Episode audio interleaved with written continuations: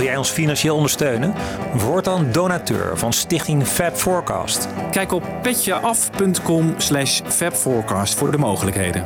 We zouden je heel erg dankbaar zijn voor je steun, zodat we Fab Forecast nog lang voor jullie kunnen blijven maken.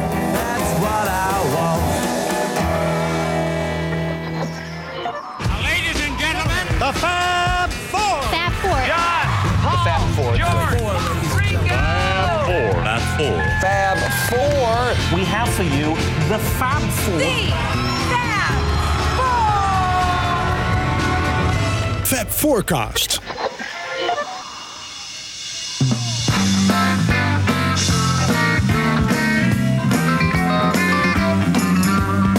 so sweet and lovely. I love you because you're sweet and lovely, girl.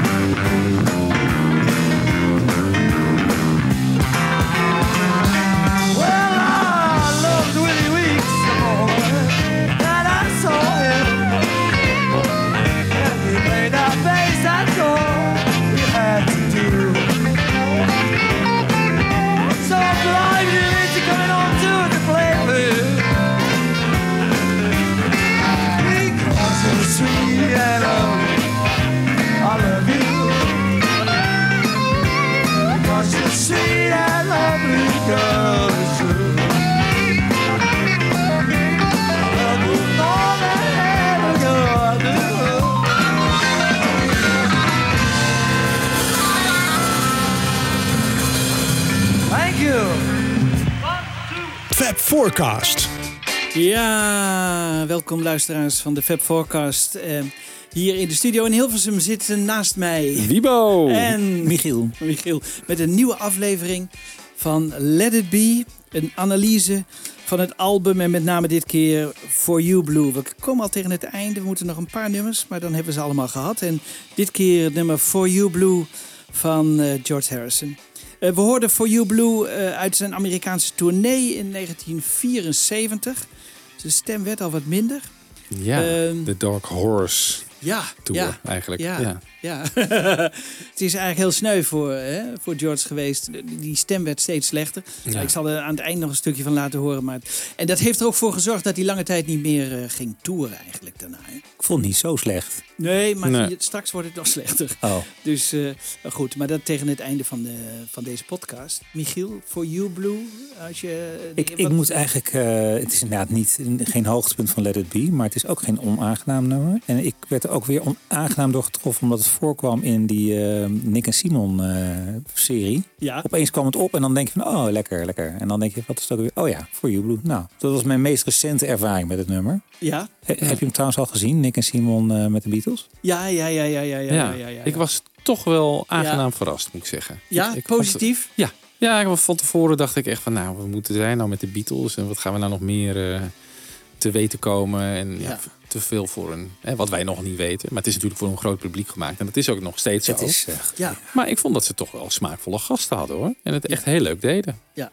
Kijkcijfers waren laag. Ja, Ja, Ja, dat klopt. Ja, die laatste Ja. aflevering was volgens mij ook naar een of andere nacht. of, ja, middag of zo. Middag verplaatst, ja. zoiets. hè. Dat was echt... eh, Ja. oh dat is eh, Ja, spijtig. Ja. ja, dat is wel Want spijtig. juist in de laatste aflevering gaan ze ook naar Twickenham. Over Ja. For You Blue gesproken. ja, Eh, en dat vond ik ook een verademing om een keer Twickenham van binnen te zien. Ja. Eh, Ja. daar, daar, daar kom je natuurlijk niet snel. Ik weet niet eens of je daar als toerist makkelijk binnen Nee, komt. volgens mij ik. niet. Nee, nee, En dat zie je toch wel weer. Deze jongens komen er wel naar binnen. En dan, eh, oh, ziet het er zo uit. Eh, dat is toch leuk? Ja. Ja. ik vond het heel leuk. Ja. Ja. ik heb me wel vermaakt ermee in ieder geval. Oké, Ja, maar, maar goed, goed. eh, d- dat Ik was vind- dus een ja. nieuwe, her- een, een, een nieuwe Even, kennismaking. Dat, dat heb je met die nummers die je dan, waarvan je denkt, nou, die heb je een beetje weggeschreven of zo. Ja, Maar ja. nee, ik vond het aangenaam. Maar dat is eigenlijk ook wel wat ik, het beste wat ik over kan zeggen. Een aangenaam liedje. Wiebo, jij? Ehm, ja, aardig. Aardig liedje. Ik vind de, de versie op Let It Be wel, eh, wel lekker. Gewoon lekker bluesy. En ik, ik moet zeggen, ja, Bertol was een beetje kritisch over het slidespel van John erop. Ja. Maar ik vind het toch wel leuk. Ja. Het glijdt een beetje af en toe tegen het valse aan, heb ik soms het idee. Maar het, het is, dat is ook wel de, de charme daarvan. Ja, ik vind het eigenlijk wel oké. Lekker liedje. Ja. Niks aan de hand eigenlijk. Nee. Nee, pretendeert niks. Nee. En jij, Jan Kees? Eh, nou ja, weet je, ik, in ja, ik, ik heb er natuurlijk eh, drie weken eh, onafgebroken naar geluisterd. En dan, dan is het wel. Oh my god. Dan wordt het wel heel veel. Maar toch, ik moet zeggen, er zitten nog best ge- aardige dingetjes in. Die, ook die je dan weer nieuw ontdekt. En mixen die je ontdekt. En eh, hoe het allemaal gegaan is. En dat maakt het voor mij interessant. Hè? Dus hoe is dat gegaan met die opname? En, en, en waarom heeft Phil het zo gedaan? En Glyn het zo? En George Martin? En, nou, fijn. Dus eh, wat dat betreft eh, vond ik het een interessant eh, gegeven. En ik heb er met veel plezier aan gewerkt. Nou zegt, echt zegt, iedere keer geniet ik enorm van het nummer. Dat weer niet. Ik bedoel, het is... eh, Nee. Wel als ik eh, af en toe dus de slidegitaar van John alleen hoor. Of het, het, spel, het pianospel van Paul. Dat vind ik dan weer heel erg leuk om te ontdekken. Goed, maar we gaan terug eigenlijk naar helemaal het begin. Dat het nummer ontstaat hè, in het weekend van 4 op 5 januari 69. Ze hebben dan een paar dagen al wat opnamen gehad. Hè, en Paul McCartney is al met wat nummers gekomen. En ehm, George denkt, ik moet ook met wat nummers komen. Dus die gaat eh, zoeken naar inspiratie. En hij gaat eh, zijn platencollectie na. En ehm, dan vindt hij een plaat van Eddie James House. Bijgenaamd Sonny of Son, Son House. En eh, geboren in 1902, moet je je voorstellen, 1902. Die, die is een beetje een raar figuur. Die vermoordt iemand in 1927, maar komt dan na een paar jaar alweer vrij. En gaat dan bluesplaten opnemen. En raakt aan het begin van de Tweede Wereldoorlog een beetje in de vergetelheid. Maar pas in de jaren 60 komt er opnieuw belangstelling voor deze Son House, een revival. En zo kwam George ook aan zijn platen en dacht, zoiets wil ik ook maken. Een eenvoudige blues op akoestische gitaar. Eh, maar ook een beetje beïnvloed door de skiffle. Dus dat is wel leuk. Hè? Dus het is eigenlijk een combinatie tussen skiffle en Son House. En skiffle was eigenlijk een soort Engelse rock and roll. die zo'n belangrijke invloed eh, bij de Beatles heeft gehad. Nou, een paar akkoorden heeft George dan na dat eh, weekend. En hij zegt tegen John en Paul wat hij eigenlijk ermee wil. En dan horen we een stukje Sunny House. Was more skiffly, but it was always like that. That thing where you got into doing it. Those all those sun houses and those bluesy people, but the folky ones, you know, just the acoustic ones. And it's great because they just you just get it together, like uh, so they don't need any backing really when they're doing all. I'm so sorry. Oh,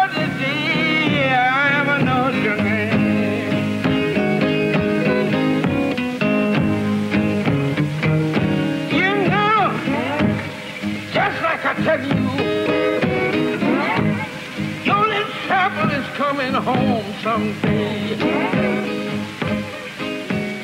Ja, je hoort het, hè, het zijn platen van voor de oorlog. Het is eh, allemaal wat krakerig en ruiserig. Maar eh, dit is dus wat, eh, waar hij het op gebaseerd heeft. Hè. Dus eh, dat was een inspiratie eigenlijk. En op 6 januari, maandag 6 januari, komt hij dus met een eerste aanzet. En ehm, hij speelt al wat, maar Paul eh, McCartney en Lindsay Hawk, de regisseur, die praten nog, nog te dwars doorheen. This, Yeah. Without all of this, then, you know, like that end, it's much better than the sound. Oh yeah. Just straight looks. And could you do? So we've also got reverses on you over here, which shows that as well.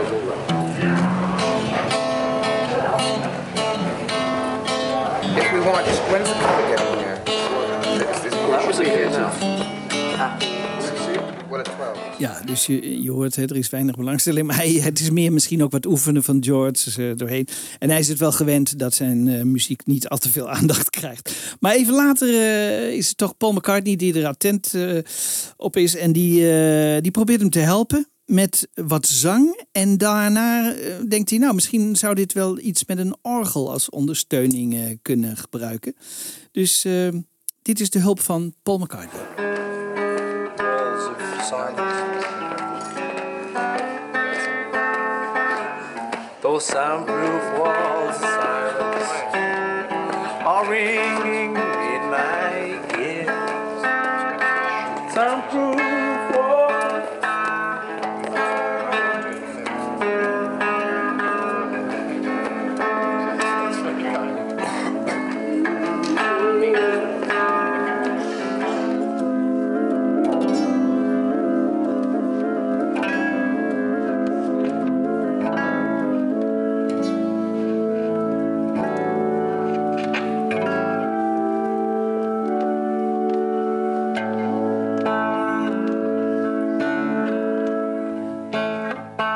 Ja, het is wel grappig. George is een beetje stil van. En eh, ik dacht, die laatste orgel, even een zijsprongetje, die laatste orgelklanken, waar ken ik die toch van?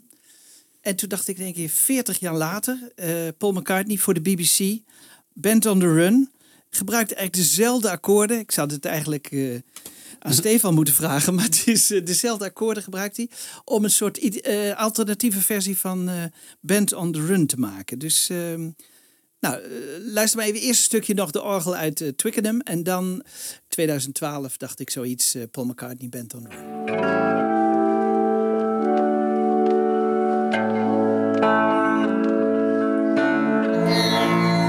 Well, the rain exploded with a mighty crash as we fell into the sun. Coin of the realm.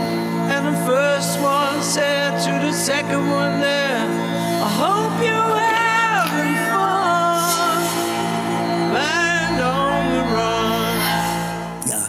drone eigenlijk. ja hè? het is een soort drone, hè? Ja. dezelfde toonhoogte. Ja, misschien is dat gewoon iets wat Paul McCartney lekker ligt. Hè? Dat kan natuurlijk best. Maar het kan ook best zijn dat hij, eh, dat, hij dat soort dingen onthoudt. Of ik weet het niet. eh. Maar het is altijd grappig als je dat soort dingen ontdekt. McCartney kan soms ook eh, dingen tientallen jaren bewaren. En dan komt het in één keer tevoorschijn. Goed, ehm, drie dagen later komt George met een redelijk uitgewerkte versie. Het nummer heet dan For You Blues. En hij heeft ook al een beetje tekst. Paul begeleidt op piano en John wonder oh wonder, hè, want dat is wel de allerlaatste keer bij een George nummer met volledige inzet van John Lennon, dus dat is ook al heel bijzonder. En dit is een compilatie van donderdagmorgen 9 januari 1969 voor Blue.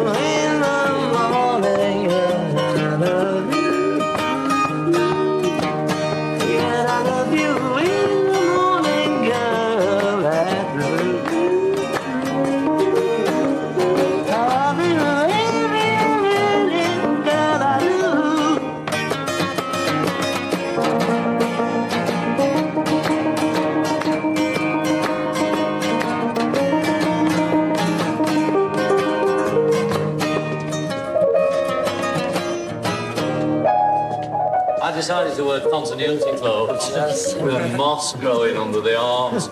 No, they're so easy, you know. You make them up. It's nice though, isn't it? What's the score, man? This is his last night song. Yeah. And that little blues folk song. Jimmy, stick about. Um, when it was just acoustics or something. There's more skiffly, and it's great because they don't need any backing, really. You're the slugger Wixie, mama. Does this guitar sound in tune, Glenn? It's good enough for uh, skiffle. Ja, Clint John zegt... eh, Good enough for skiffle. Good enough for skiffle. Dat zoiets zei Paul later ook bij Unplugged, hè? That's near enough for skiffle. That's just, that's near enough. For skiffle. Dat is blijkbaar een uitdrukking eh, Ja, die ze ja. Zou die skiffle dan niet als geheel volwaardig of zo worden gezien? Ik weet het Nee, niet. toen was het toch een beetje een do-it-yourself de muziek maken. Toch? Dat kon iedereen. Dat maakte niet zoveel uit. Oh ja, nou met wasborden en zo en Ja. dat soort dingen. Hè? Ja. ja, George zegt eigenlijk, dit is een unicum wat ik hier heb gemaakt. Ik heb het laatst nog even gevraagd aan eh, Stefan. Van, klopt dat? Eh, hij zegt, het is een 12-bar blues en die heb ik nooit meer daarvoor en daarna geschreven. Nou, luister maar even wat George erover zegt in 1970. There's one song which is a 12 bar because I've never written a 12 bar before, and that's called For You Blue, and it's just a very simple foot tapping uh, 12 bar. Goed, eh, Paul die heeft gekozen voor de Blüthner piano als begeleiding. Eh, hij leert al langzaam zijn akkoorden. Is ook wel leuk, want we zien eh, eigenlijk Paul McCartney niet zo vaak de piano leren. Omdat hij altijd de piano thuis, hè, dan schrijft hij thuis nummers en dan, dan weet hij wel ongeveer hoe hij het moet spelen. Maar nu moet hij dus iets leren om te, te begeleiden, om George te begeleiden. En hier hoor je dus hoe hij dat doet.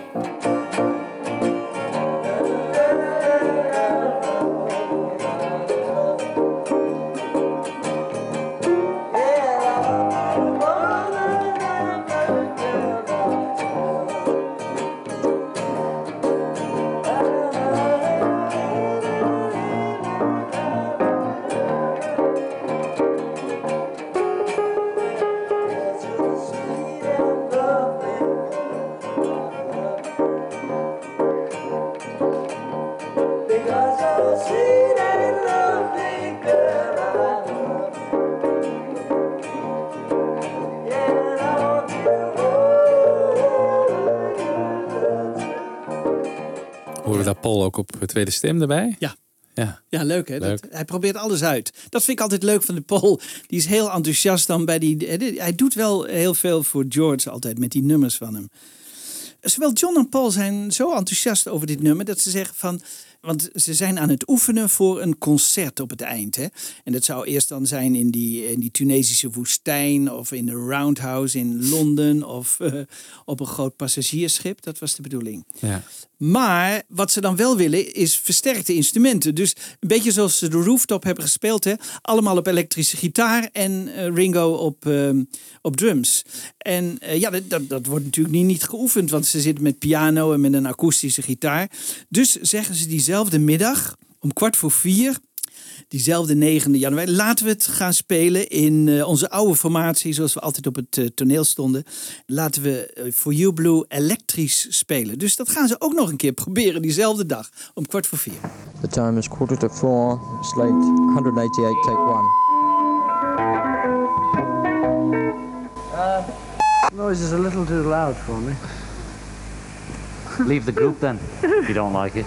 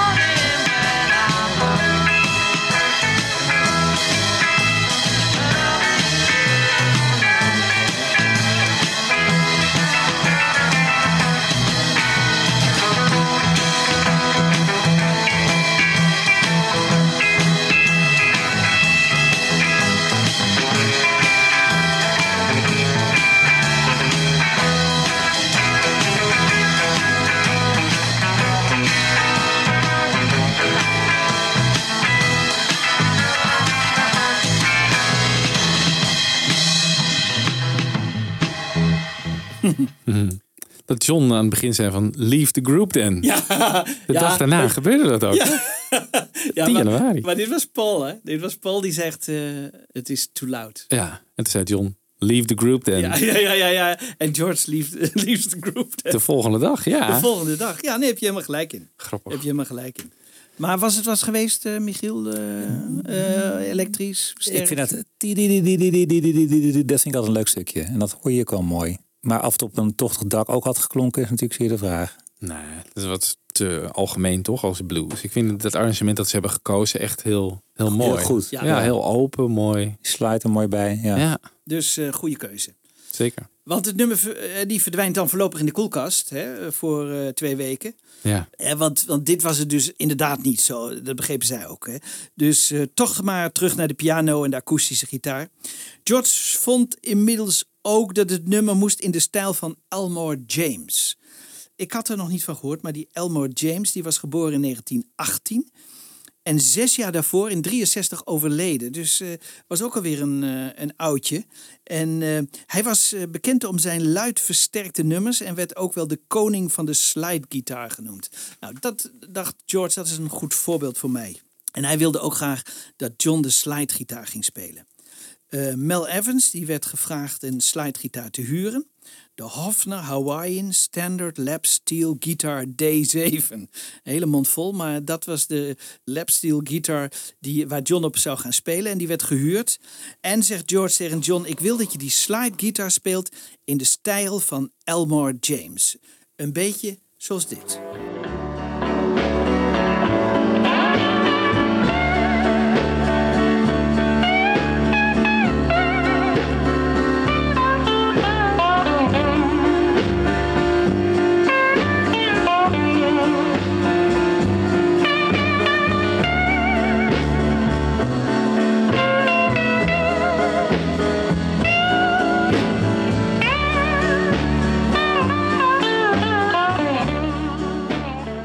Denk dat John Elmore James wel kende, want hij gaat ook een beetje in die stijl spelen. En het is eh, zaterdag 25 januari. Omdat ze haast hebben, spelen de Beatles inmiddels ook in het weekend door.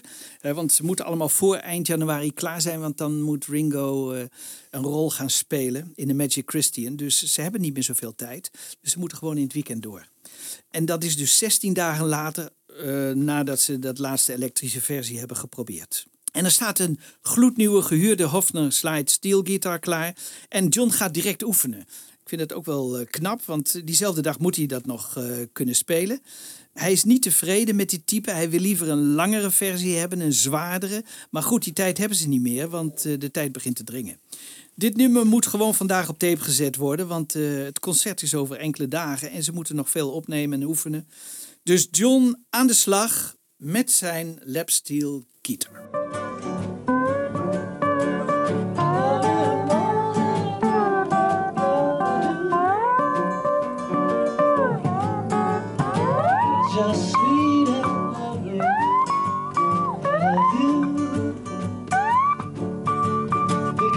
Because sweet and lovely, girl.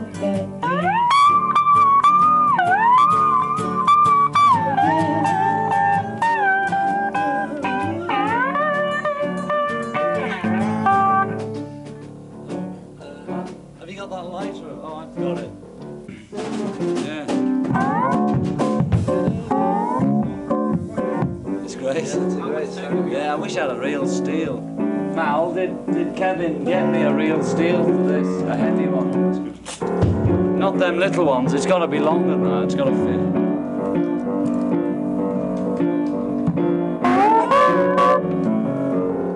He probably did.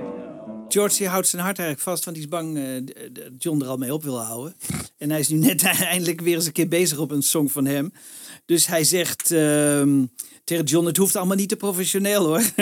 het is gewoon gebaseerd op een oude blues. eh, en eh, die, die hielden het ook vaak simpel bij one-takers. Met andere woorden, maak je geen zorgen. Take it. The main thing with this in my head, it's like influenced by those old fellas who, you know, where nothing was professional at all. So it's really just like a one take wonder. But we may have a four take wonder. Or maybe we just keep going.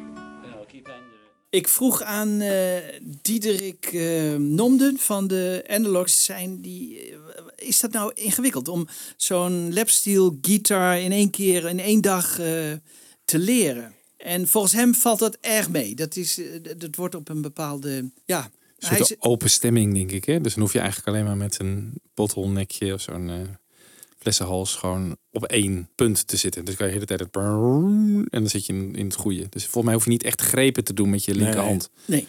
Is het redelijk eenvoudig. Maar even, want jij zei Elmer James, de koning van de slidegitaar. We kennen natuurlijk gewoon de gewoon een normale slidegitaar met een bottleneck. Maar Ja. dit, dit is een, dit is Nee, een platte. maar volgens mij, ik heb een nummer gezien van Elmore James, maar dan speelt hij het op een gewone gitaar, maar dan gaat hij er gewoon met zijn vingers zo'n Ja. beetje overheen. Hè? maar Dus- George speelt hem, dus legt hem op zijn schoot. Legt hem op zijn schoot. John, dat kunnen we ook heel goed. Ja, John. John, ja. En dat kunnen we ook heel goed zien in de, in de Get Ja. Back eh, film. Hè? Dat is Ja. heel mooi om te zien. Moest dat? Of was het, was het gewoon iets waar waar hij voor koos? Dat is wel iets waar hij Nee, lapsteel, hè? dat is ook Ja. echt van dat je op je schoot houdt. Oké, dus de- dat Ja. was het zo'n type gitaar. Ja. Zo'n type gitaar. Nou ja, goed. eh Diederik zegt dus ook, eh, eigenlijk eh, is het helemaal niet zo, zo ingewikkeld. Ja, zo'n zo'n gitaar wordt dan afgestemd op, op één akkoord, geloof ik. En, dan, en daar ga je dan Ja. overheen. Ja, exact. Ja. Ja. Nou, dus dat is interessant. Maar er is nog een probleem. Er mogen geen overdubs plaatsvinden. Hè? Want dat kun je je misschien ook nog wel herinneren. Get Back, die hele periode, de, de, de Let Be periode, moest alsof ze direct in de studio inspeelden. Niks meer met overdubs, niks meer met arrangementen, geen gedoe met George Martin. Alles moest in één keer erop eh, staan. Dus Paul die kon geen baspartij alsnog inspelen. Het is wel grappig, Glyn Johns, eh, de producer, houdt wel spoor 3 vrij. Hè? eh, dus dat eventueel dat hij dat alsnog wel kan. Maar op dit moment moeten ze dus roeien met de riemen die ze hebben. En ze besluiten dat John voor de hoge tonen het slide-effect toepast. Maar voor de lage tonen het bas-effect laat horen. En dat klinkt zo. I love you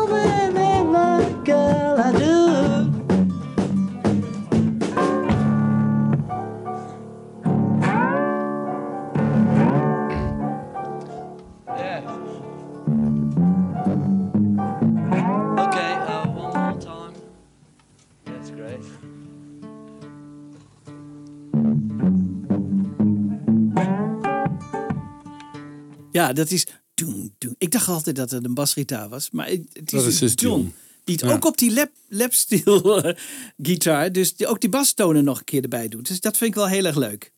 Dat is Eh, eigenlijk ook kunnen verwachten. Want volgens mij was Billy Preston er ook een paar keer niet bij. Omdat hij andere verplichtingen had. precies. Dan had Hierbij- je die op de piano gezet en Paul Bas. Ja. Toch? Ja. Ja. maar hij, hij kon niet. Nee, hij kon niet. Hij kon niet. Dus, hij kon niet bij een Beatles sessie Ja, ja, moet je je voorstellen. Ja. Bizar. Ja, bizar.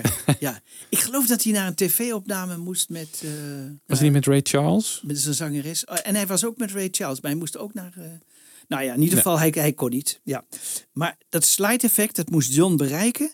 En dat is ook wel weer grappig, want dat zat er dus niet bij. Eh, ja, zo'n soort metalen voorwerp. En hij gebruikte de lipstickhouder van Yoko. Hmm. Eh, dus je gaat eigenlijk met een metalen voorwerp over die snaren heen. Maar John beklaagt zich erover dat hij dat met de lipstickhouder van, van Yoko moet doen.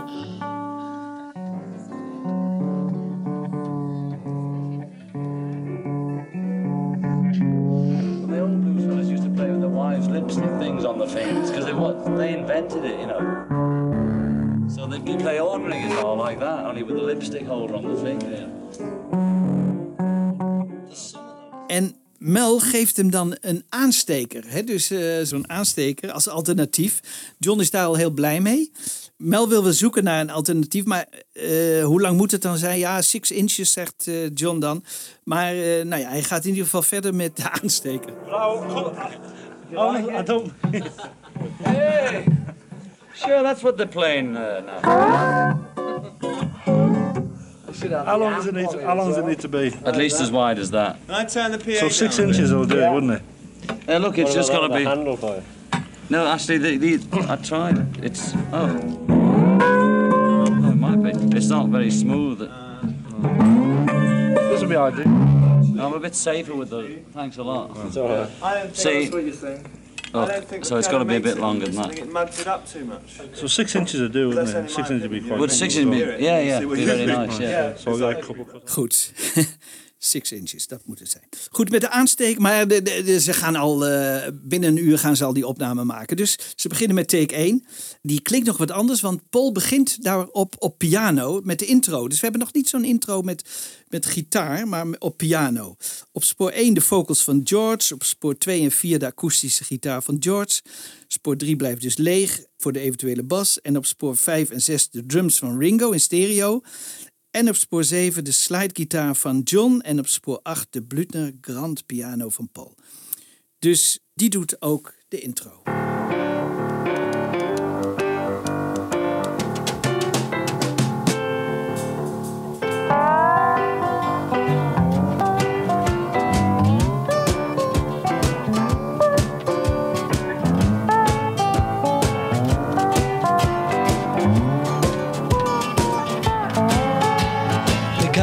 Sweet and lovely, girl. I love you. Because you're sweet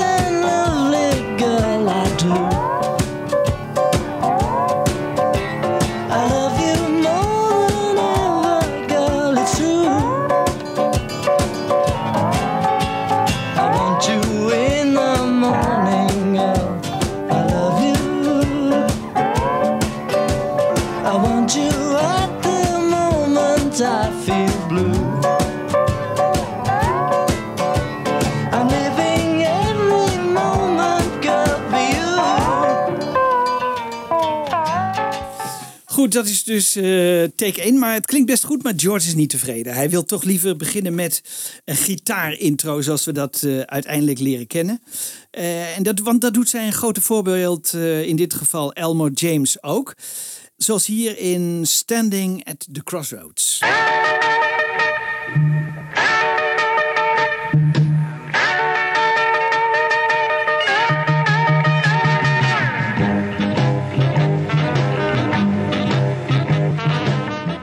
George doet het voor hoe hij de gitaarintro in gedachten heeft. Dit is take 2 met een voorzichtige gitaarintroductie van George. beginning, uh, you, you can, the chords I was No, do it on, do it on the thing.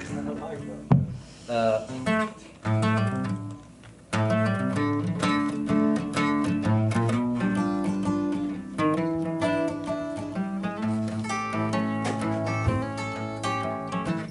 there, in that. We come in So it just was A, D, B, E. You can come in through it if you.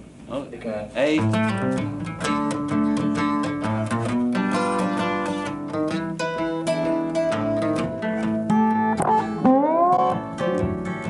Two.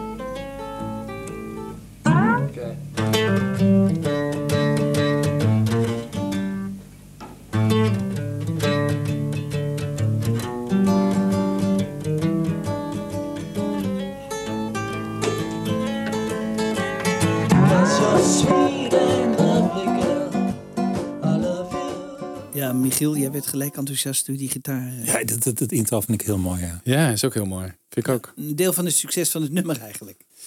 Ik denk als er meteen ja. zo pasboom binnenvalt, dan denk ik Ja. van waar gaat hij heen? Maar het is heel subtiel eh, aangevlogen, vind ik het heel mooi. Ja.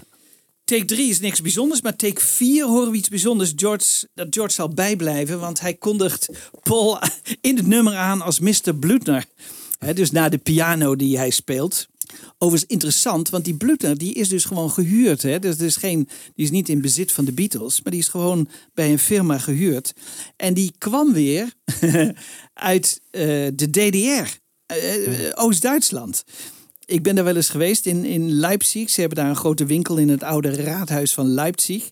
En de fabriek eh, is een hele oude fabriek uit, uit de 19e eeuw. En die is in de, in de Tweede Wereldoorlog afgebrand.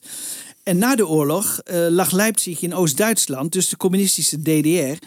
Maar ze produceerden alweer heel snel van die topvleugels en eh, piano's. En één daarvan kwam dus eh, terecht bij een verhuurfirma die weer door Mel Evans werd gehuurd voor Apple.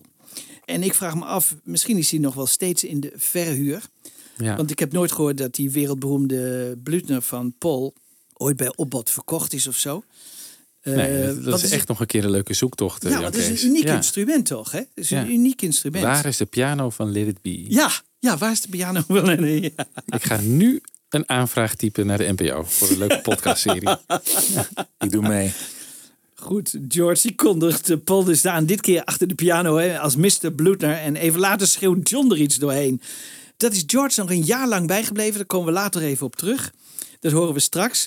Maar vijf jaar later, hè, dan gebruikt hij ook deze song om zijn eh mede-orkestbandleden aan te kondigen. Hè, tijdens die tournee door, eh, door Amerika. Ja. Dus dat is ook wel grappig. eh. dat vindt allemaal zijn oorsprong eigenlijk in deze take 4 in de bridge van For You Blue.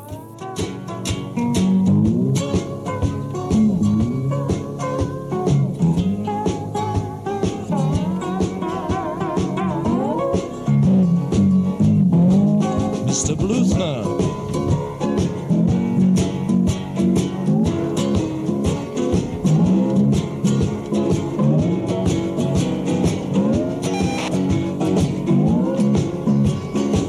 Yeah, Jim.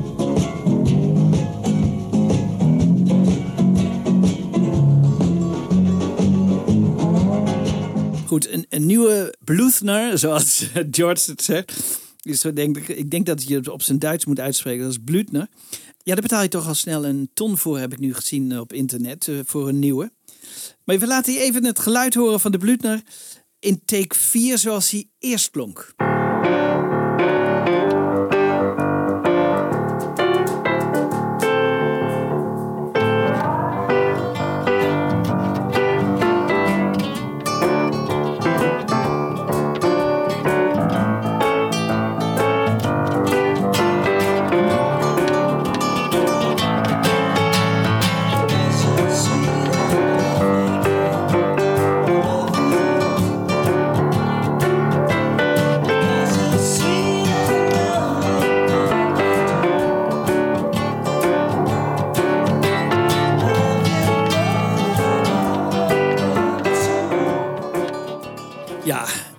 George vindt het, eh, geen, vindt het geen mooi geluid. Hij wil een slechter geluid.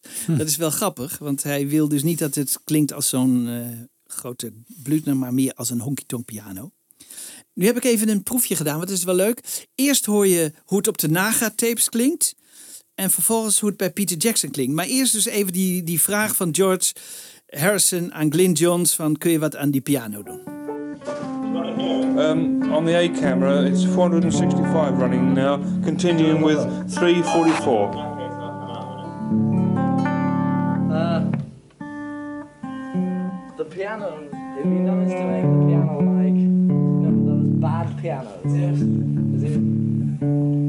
Glenn, how can we make the piano like one of those very bad old honky tonks rather than, rather than like a blues En dan wil Peter Jackson deze vraag ook graag laten horen in zijn Get Back film. Want hij wil graag laten zien hoe George Martin de helpende hand biedt met een krant in die piano. Misschien kunnen jullie die Mhm. scène herinneren. Eh, dus vraagt Peter Jackson, zei mensen, kunnen jullie met artificial intelligence dit een beetje opknappen? En dat doen ze fantastisch. Okay. Uh, the piano, it'd be nice to make the piano like, know, those bad pianos. Yes. Is it?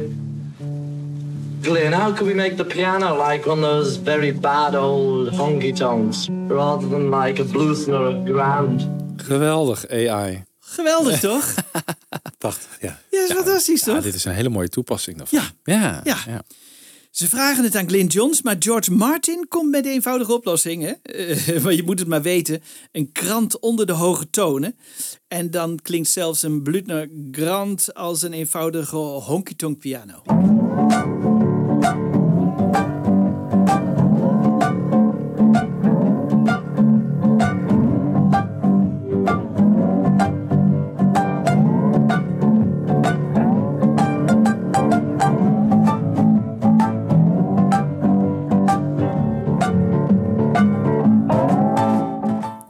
Vind het niet echt als een honky-tonk piano klinken, maar wel een heel apart. Het is bijna een, een soort eh, kinderpiano, weet je wel? Ja, Zo ja. van die eh Ja. Maar was het een beetje, ik moet altijd aan Rocky Raccoon denken eigenlijk. Zo'n soort sound. Daar hadden ze de Mrs. Mills. Ja, daar hadden ze Mr. Mills. Die hadden ze natuurlijk in Maar die stond in Abbey Road. Ja, die stond Ja. in Abbey Road. En dit stond niet in Apple. Nee. Dus ze moesten met iets komen. Ja. En dan was dit toch niet een slechte... ik bedoel, hè? Nee, nee, helemaal niet. Het klinkt heel goed. Ja, dat klinkt toch eh, best, eh, best aardig. Hè? Ze deden het niet bij de bastonen overigens, maar alleen bij de hoge tonen. Ja, Elmer James, dat is dan op dat moment het grote voorbeeld voor George. En George vraagt dan, eh, Paul wil je spelen in de stijl van Elmer James. Elmer James die kon heel goed, eh, de piano en de drums, die waren heel goed op elkaar ingespeeld. Luister maar even een klein stukje van Dust My Broom van Elmer James.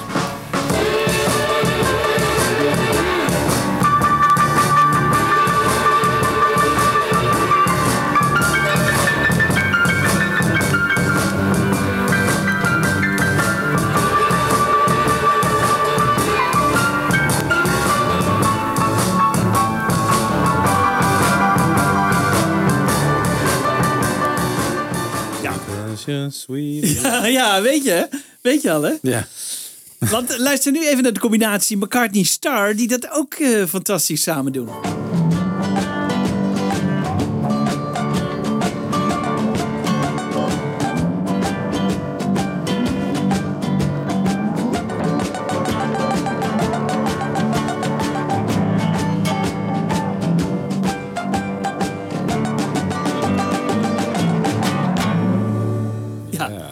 Geweldig toch, die twee, hè? Ja, die coördinatie is ook weer fantastisch. Goed, ze nemen 12 takes op. Take 6 is de beste. En die zal later gebruikt worden op zowel de mix van Glyn Johns als van Phil Spector. Die latere worden die dan later niet meer gebruikt. Jawel, ik ontdekte dat Malcolm Davies bijna een jaar later een mix maakte van take 9 en 12.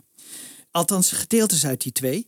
Mark Lewison vroeg zich af eh, in het boek eh, The Complete Beatles Recording Sessions welke mix ze maakte op 28 februari 1970. Maar ik denk dat het hier de studio mix is die gemaakt is voor de Beatles film Let It Be. En eh, die zie je dan als ze arriveren in de Apple Studio. Dan zie je één voor één al die Beatles buiten aankomen. En daaronder hoor je de, volgens mij de volgende mix.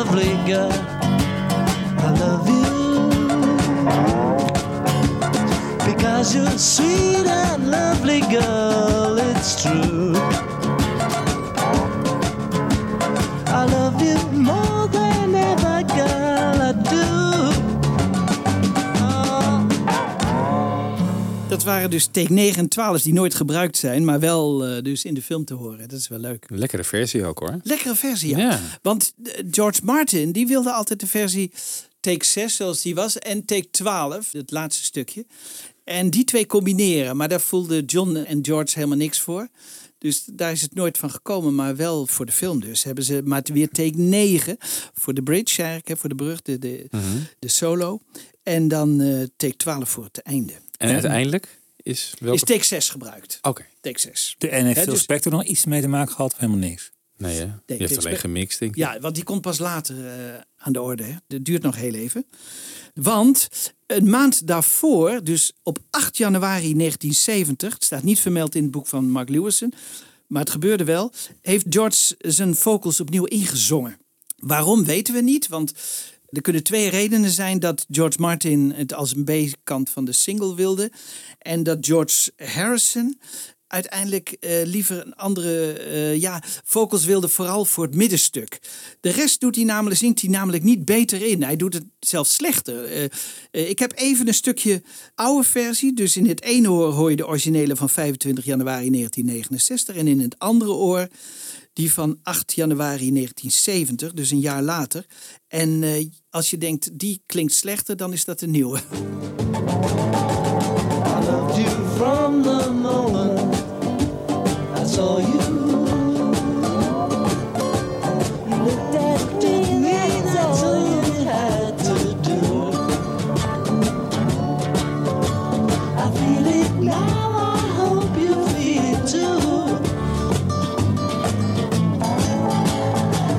You're sweet and lovely, girl.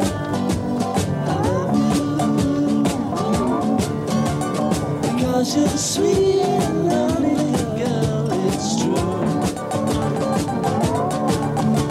I love you more than ever.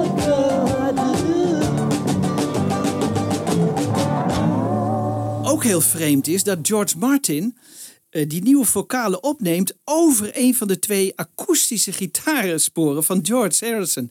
Dus dat is eigenlijk, ja, waarom hij dat doet, weet ik niet. Hij vond het waarschijnlijk onzin, twee sporen voor één gitaar. Daar kan wel eentje af, moet hij gedacht hebben. Want was er dan geen één spoor over? Jawel, spoor 3 was nog steeds leeg. Hè? Ik denk dat, eh, dat hij dacht, nou, daar kan Paul McCartney nog een keer bas eh, inspelen. Ik denk ook eh, dat het misschien een beetje Glyn Johns pesten was. Zodat hij in ieder geval geen mix meer kon maken zoals hij in gedachten had of zo. Zoiets. Ik kan me niet anders voorstellen waarom je anders zo'n zo'n spoor wist van de akoestische gitaar van George Harrison. Deze nieuwe vocalen hè, dus worden dan ingezongen. Ik denk dat ehm, George het vooral wilde voor het middenstuk. En dat was eh, zijn doel. Eh, misschien herinneren jullie nog net van die we hebben laten horen van Mr. Bloedner.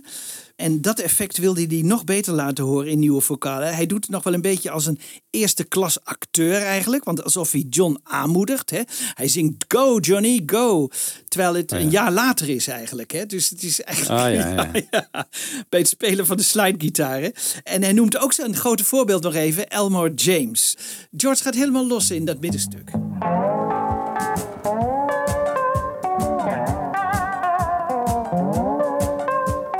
Bob. Bobcat Bob. Go, Johnny, go.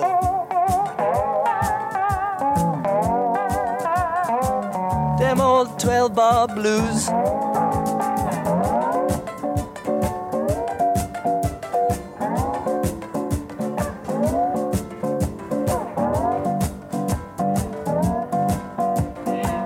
Elmore James got nothing on this, baby.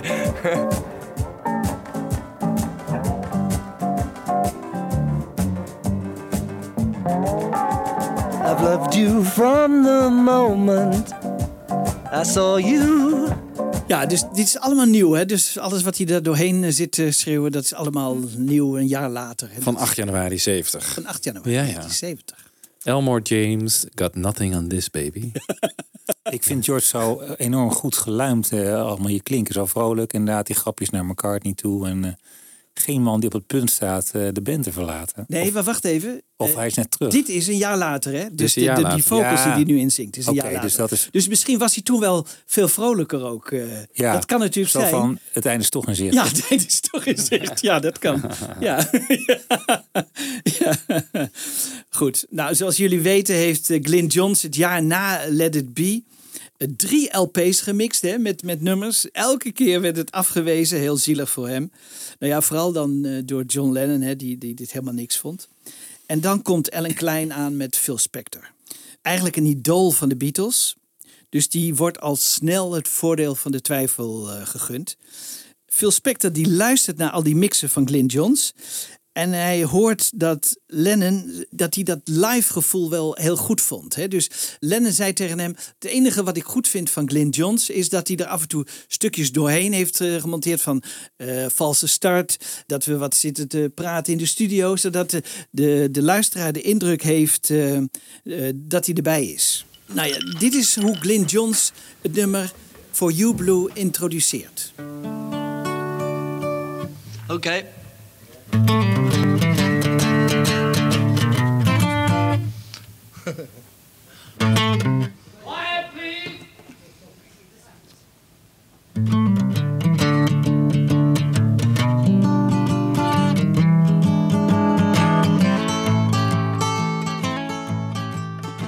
wat we dus net hoorden is eigenlijk ook weer helemaal in elkaar gezet. Hè? Dat zal, ja. Overal zijn stukjes vandaan gehaald of ingekort. Wat ijs in een glas. eh, John die quiet please schreeuwt. eh, een, een valse start die ook nog weer eens ingekort. Enfin, allemaal. Maar goed, het, het werkte wel. En eh, Phil was daar niet bijster enthousiast over. Maar hij gaat toch aan het werk. En het enige wat hij wil laten overblijven zijn eigenlijk stukjes tekst van de Beatles. Dus George die wat af en toe wat zegt, of John of Paul, die eh, tussen de opname door eh, nog iets in de microfoon roepen. En John Lennon eh, geeft aan dat hij bij For You Blue wel graag een opmerking van hemzelf wil horen, die het tussendoor geroepen had over de Queen, die nee zegt tegen harsrokende FBI-leden. Waarschijnlijk een kop uit een krant of zo die hij voorleest. En dat hij dat na een jaar nog weet, komt waarschijnlijk omdat hij de eerste montage van de film heeft gezien en daar zat het in. Zo kwam hij waarschijnlijk op het idee van, nou, eh, als jij dat nou voor For You Blue zet, dan ben ik ook helemaal tevreden. Het moet even geduurd hebben voordat eh Phil Spector dit origineel terugvond in de talloze Nagra-tapes. Eh, er was nog geen Sulpy die dat allemaal had genoteerd, dus zodat je het makkelijk kon terugvinden. Maar na, na lang zoeken vonden ze het op 8 januari 1970 in Twickenham. There's no blue moon in history. Queen says no to pot smoking FBI members.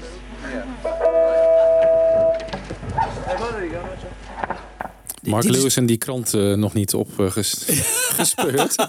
waar dat in staat. Ja. Ja.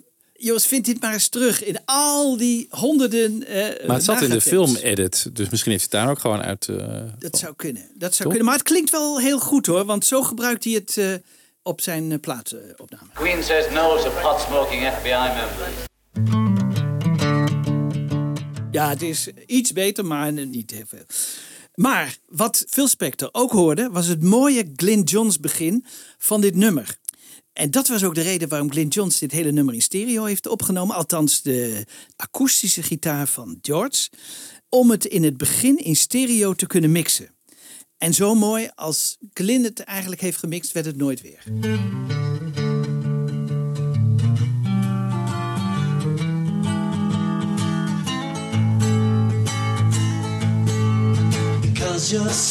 Ja, dat wilde Phil dus ook. Hè. Die wilde graag die gitaren in stereo laten horen.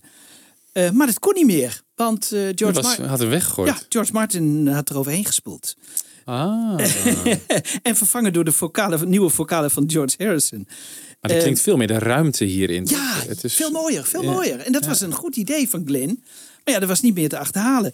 Maar Phil gaat toch aan de slag en maakt maar liefst zeven mixen van het begin. Ik denk dan, ja, eh, wat moet je met een mono-signaal aan het mixen? Maar ik heb dat door Bob de Jong even laten analyseren. En die zegt, als ik het uit elkaar haal, dan hoor ik dat hij twee tapes waarschijnlijk heeft gebruikt. één met de lage tonen en één met de hoge tonen. En zo heeft hij waarschijnlijk geprobeerd een stereo mix te maken. Zoals Dave Dexter dat deed Oh ja. in de oude periode van Capitol. Weet je, als er dan weer een mono-single van de Beatles kwam. Dan maakte hij er stereo van door hoog en laag te scheiden. En nou ja, dat werd een, een rommeltje. En ook Phil Spector eh, kwam hier dus niet uit. En het is eigenlijk eh, eh, niet gelukt.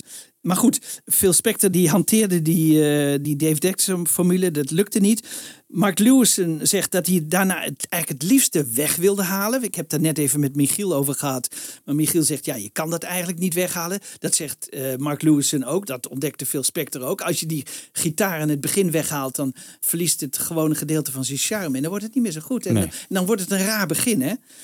Want als we horen waar Phil Spector mee moest werken, dan gaan we even terug naar Let It Be Naked. En daar laten ze gewoon horen hoe dat enkele gitaarspoor dan klonk.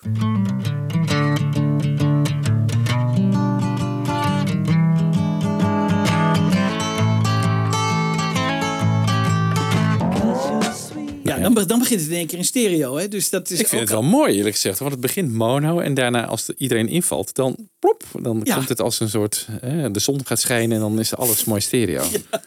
Nou ja, zo heeft Phil Spector het ook ongeveer gedaan. Laat me even horen.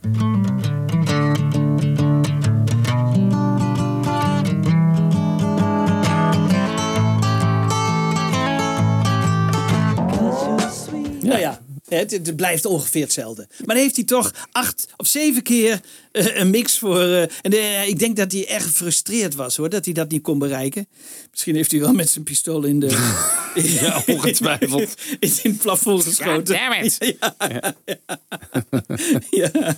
ja, maar dan vraag ik me af, waarom heeft hij niet een van die tien andere intro's gebruikt? Want die waren nog wel in stereo te Ja, maar waren die ook zo goed gespeeld?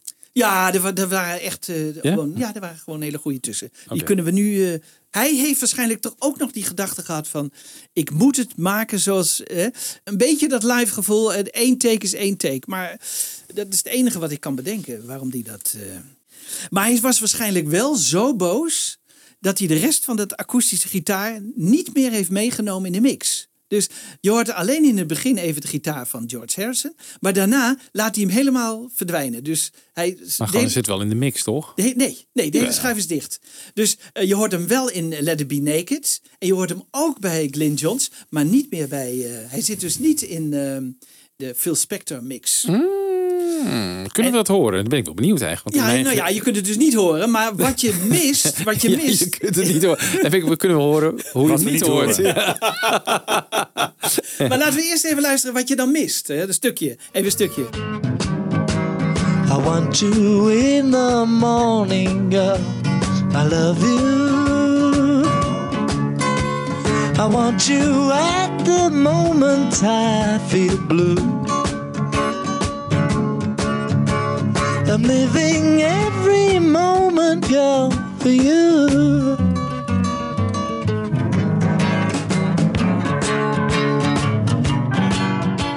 Nu horen we hem heel goed. Ja, ja? nu horen we hem heel goed. Nou ja, je zou even uh, veel specter kunnen laten horen. Zeker. Ja.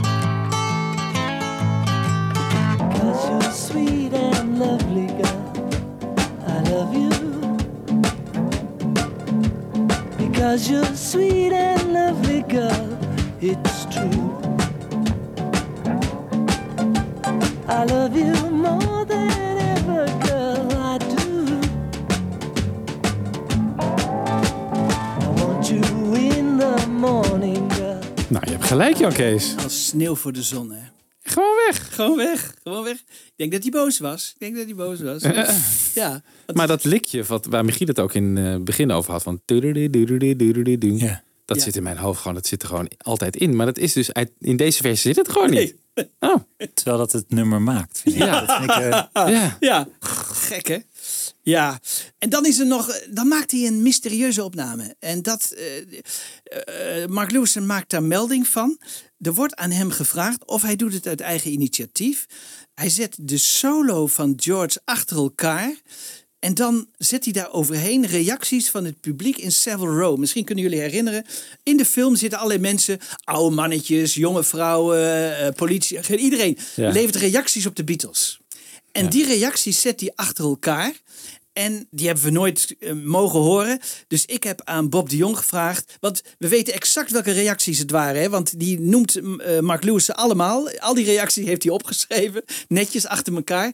En ik heb gevraagd aan Bob de Jong. Zet die reacties weer even achter elkaar. En dan onder de solo van George. Zodat we weten wat Phil Spector toen heeft gedaan. En eh, nou ja, dan komt dit denk ik heel aardig in de buurt.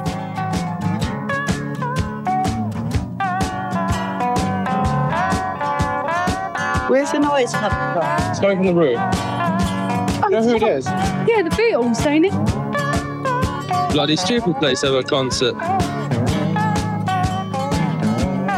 Nice to have something for free in this country at the moment, isn't it? I mean, you like it? No. No? No.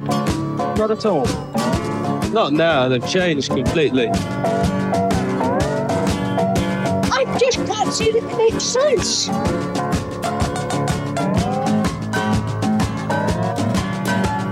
Well, I think it's a very good thing.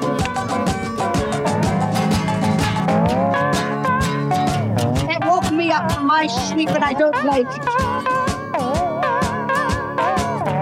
Are these studios soundproofed or something? Yes. The roof? They're on the roof, are they? Yeah, because this is being recorded I think the Beatles are cracking. I said, I, you can't beat them. I said, that, that, they're all out on their own. They're, they're uh, on their own. You don't disapprove then? Well, I don't disapprove of the Beatles here. I don't disapprove of their style at all. Mind your daughter going out with you? Why? Why? No, because they've got money.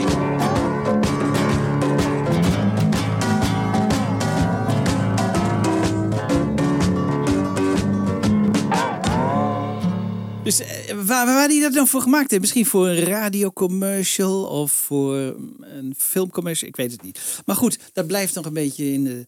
Misschien dat dat ooit nog eens wordt opgehelderd. Waarom Phil Spector deze mix heeft gemaakt. Ja. Dank in ieder geval Bob de Jong hè, voor een remake. Dat het ongeveer... Hè, het zal allemaal wel net iets anders geklonken hebben. Maar het komt toch in de buurt. Dan weten we ongeveer waar hij mee bezig was. Ja, en tot slot eh, eh, voor mijn research. Als ik For You Blue intik in mijn computer, dan komen er 473 bestanden tevoorschijn. En één daarvan, dat vond ik een hele bijzondere. Dat was van Danny Harrison uit, uit 2019. En het gekke was, ik kon eigenlijk geen verschil horen tussen de stem van George en Danny. Oh. Dus, ja, luister maar even.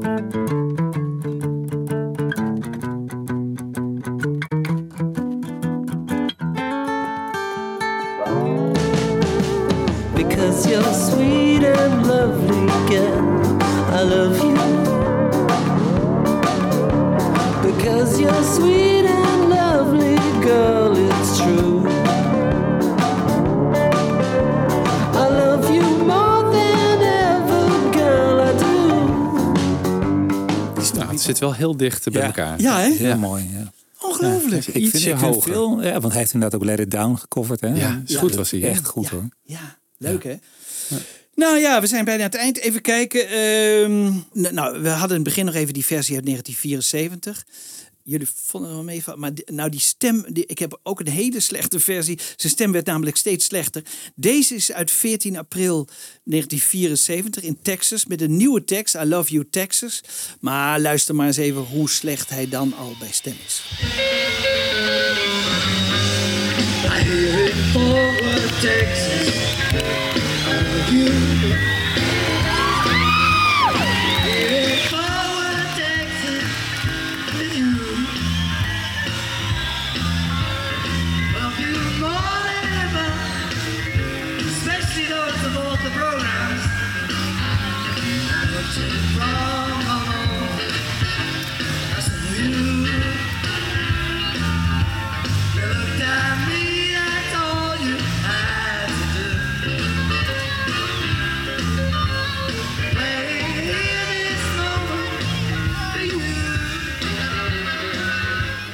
Klinkt meer als een barband gewoon. Ja. De begeleiding vind ik ook echt niet goed hoor. Nee, maar dat heb ik ook. Ik, ik zit net naar live in Japan te kijken. Dat vind ik ook een beetje die sound, weet je wel? Die, die, die, ook die lichte nummers worden er zo opgeblazen met die megaband.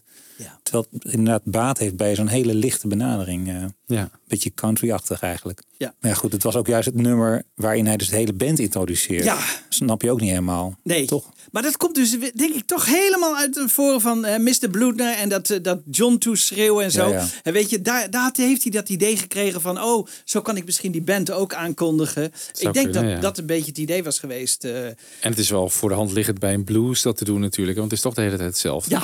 Ja. Daar kun je makkelijk een introductie overheen gooien zonder eh, echt muzikale verrassingen te verstoppen of zo. ja. Maar mag ik hier vaststellen dat jullie misschien dan toch niet de uiteindelijke versie van Phil Spector als beste uit de bus laten komen? Want ik hoorde net... eh, Ja, dat, dat riedeltje. ja, Ja, dat dat riedeltje, riedeltje, dat, ja. jullie dat missen. Want die akoestische gitaar maakt dat nummer dus wel met die intro en met dat riedeltje. Ja. Dus de versie op Let It Be Naked is dan denk ik Ja. de definitieve. Ja. Daar zit hij wel in, toch? Ja, en volgens mij eh, bij Glyn Johns ook. Maar niet bij Phil Spector. Ik kan me nog wel herinneren dat toen ik dat hoorde op Let It Be Naked, in de auto was dat. eh, en toen hoorde ik For You Blue. Toen dacht ik, dit klinkt echt wel gewoon lekker strak, puur, in your face. Zo moet het geklonken hebben in die studio. Ja. Heel mooi puur was het. Ja. Daar heb ik nog wel een goede herinnering aan. Oh, Dus ja. eh, ik, ja, ik, ik denk dat dat de definitieve versie voor mij is. Oké. Ja. En voor jou ook? eh, Ik denk het ook, ja. Oké, nou dan sluiten we daarmee af. Het is wel grappig. Eh, Dit is een nummer, moet je je even voorstellen, wie daar allemaal hè, officieel via Apple hun tanden in hebben gezet. Hè?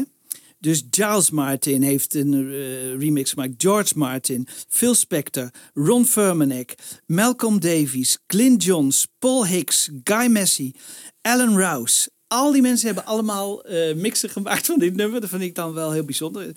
Jullie favoriete versie eh, is dus waarschijnlijk die van...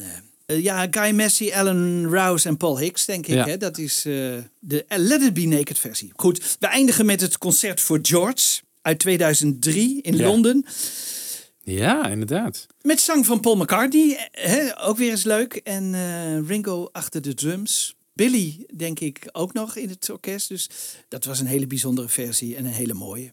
Daarmee wil ik eh, eigenlijk deze graag afsluiten. Is goed. Dankjewel, eh Jan Kees. Oké. Tot de volgende. Wat, wat wordt de volgende, even, voor de duidelijkheid? Eh, waarschijnlijk One After 909. Oh, leuk. Oh ja, nou, die heeft een lange ontstaansgeschiedenis volgens mij. Al uit de 58 of zo. Ja, toch? leuk. Leuk, Ja, dat ja. wordt leuk. In 63 opgenomen en later ook nog een keer in 69. Ja, en dit is dan de versie eh, uit eh, 2002, het Concert for George in de Royal Albert Hall. Doei. Hoi, hoi.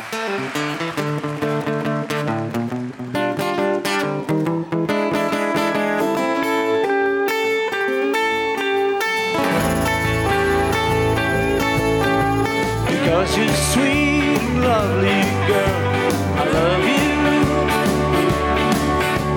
Because you're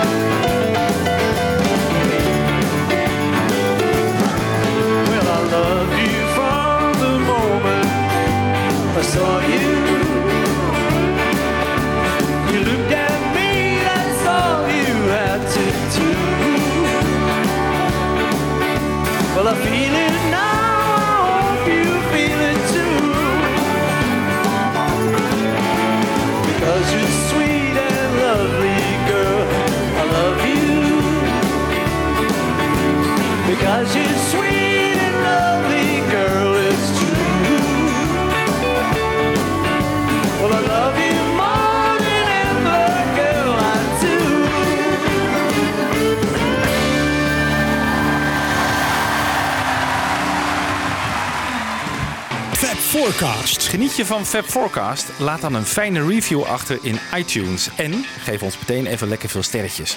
Dat helpt andere luisteraars weer om ons te vinden. Heb je vragen? Mail dan naar fabforecast.gmail.com of kijk op onze pagina's op Facebook en Twitter. En de afleveringen van Fab Forecast zijn ook te beluisteren via beatlesfanclub.nl.